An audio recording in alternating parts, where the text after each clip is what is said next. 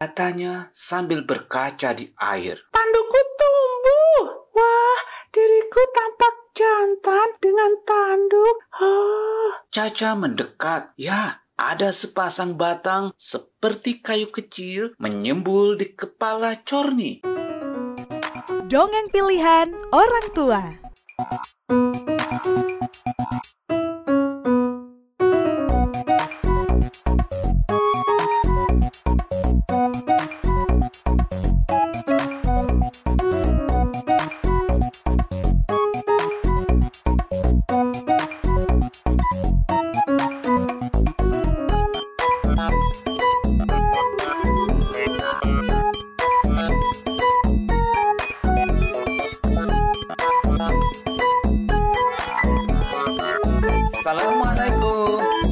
Warahmatullahi wabarakatuh Hai sahabat-sahabat Nusantara bertutur Kembali Kang Acep akan mendongeng Kali ini karyanya Kak Tuti Yang berjudul Tanduk terhebat. Rombongan kambing hutan riang berlarian di padang rumput Taman Nasional Gunung Leuser, Sumatera Utara. Caca, nama seekor anak kambing hutan jantan, suka sekali melompat-lompat di padang rumput itu. Di padang rumput itu tinggal juga kawanan rusa. Caca melihat rusa seusianya yang sedang berbaring di bawah rindangnya perdu. Rusa kecil itu bernama Corni. Caca tersenyum. Mereka berdua pun lalu berkenalan. Caca dan Corni lalu menjadi sahabat sejak itu. Di suatu siang, di sebuah mata air, Corni terkejut. Caca, Katanya sambil berkaca di air. tandukku tumbuh.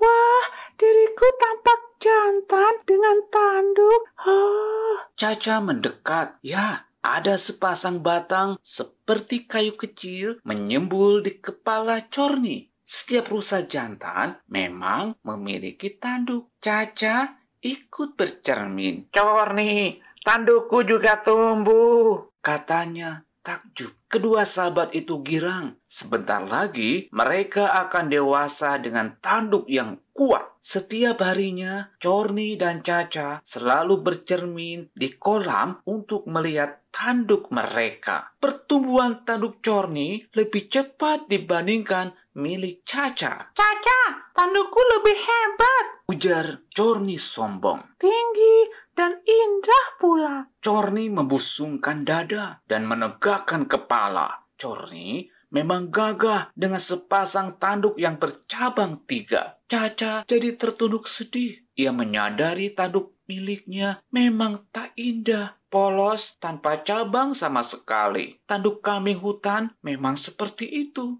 Pagi itu, Corni berdiri di atas bukit. Tanduk istimewanya berkilauan, tertempa sinar matahari. Rusa kecil itu kini sudah menjelma menjadi rusa jantan dewasa. Caca, dengan tanduk ini, rusa-rusa lain akan takut padaku. Jangan menyakiti mereka. Mengapa? Sudah hukum rimba. Yang kuat mengalahkan yang lemah. Coba lihat caraku bertarung. Ujar Corni sambil memperagakan ketangkasannya memainkan tanduk. Ia menyeruak dahan perdu yang lebat seakan sedang bertarung dengan rusa jantan lain. Serunya penuh gaya. Sayang sekali karena angkuhnya Corny menjadi lengah. Kakinya terantuk batu hingga terjerembab ke dalam perdu. Ah, Caca, tolong aku. Tandukku tersangkut dahan-dahan ini.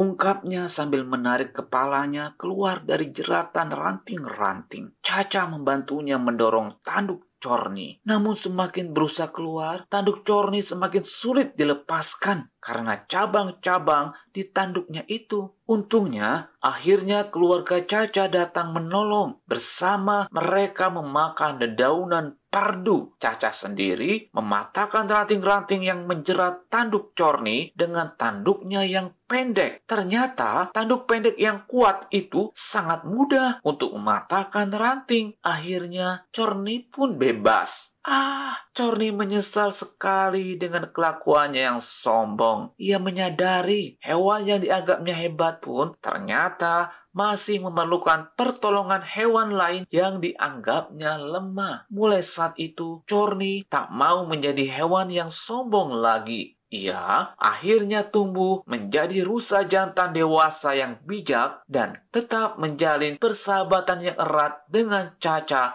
si kambing hutan. Demikianlah yang dapat Kang Acep dongengkan. Pesan dongeng ini, kalau kita mempunyai keistimewaan, anugerah itu bukan untuk disombongkan, melainkan harus kita pergunakan untuk hal-hal yang bermanfaat. Misalkan membantu sesama. Nantikan dongeng-dongeng Nusantara bertutur berikutnya. Sampai jumpa. Hihihi. Hai teman-teman, terima kasih sudah mendengarkan dongeng pilihan orang tua. Sampai berjumpa di dongeng berikutnya ya teman-teman. Dadah!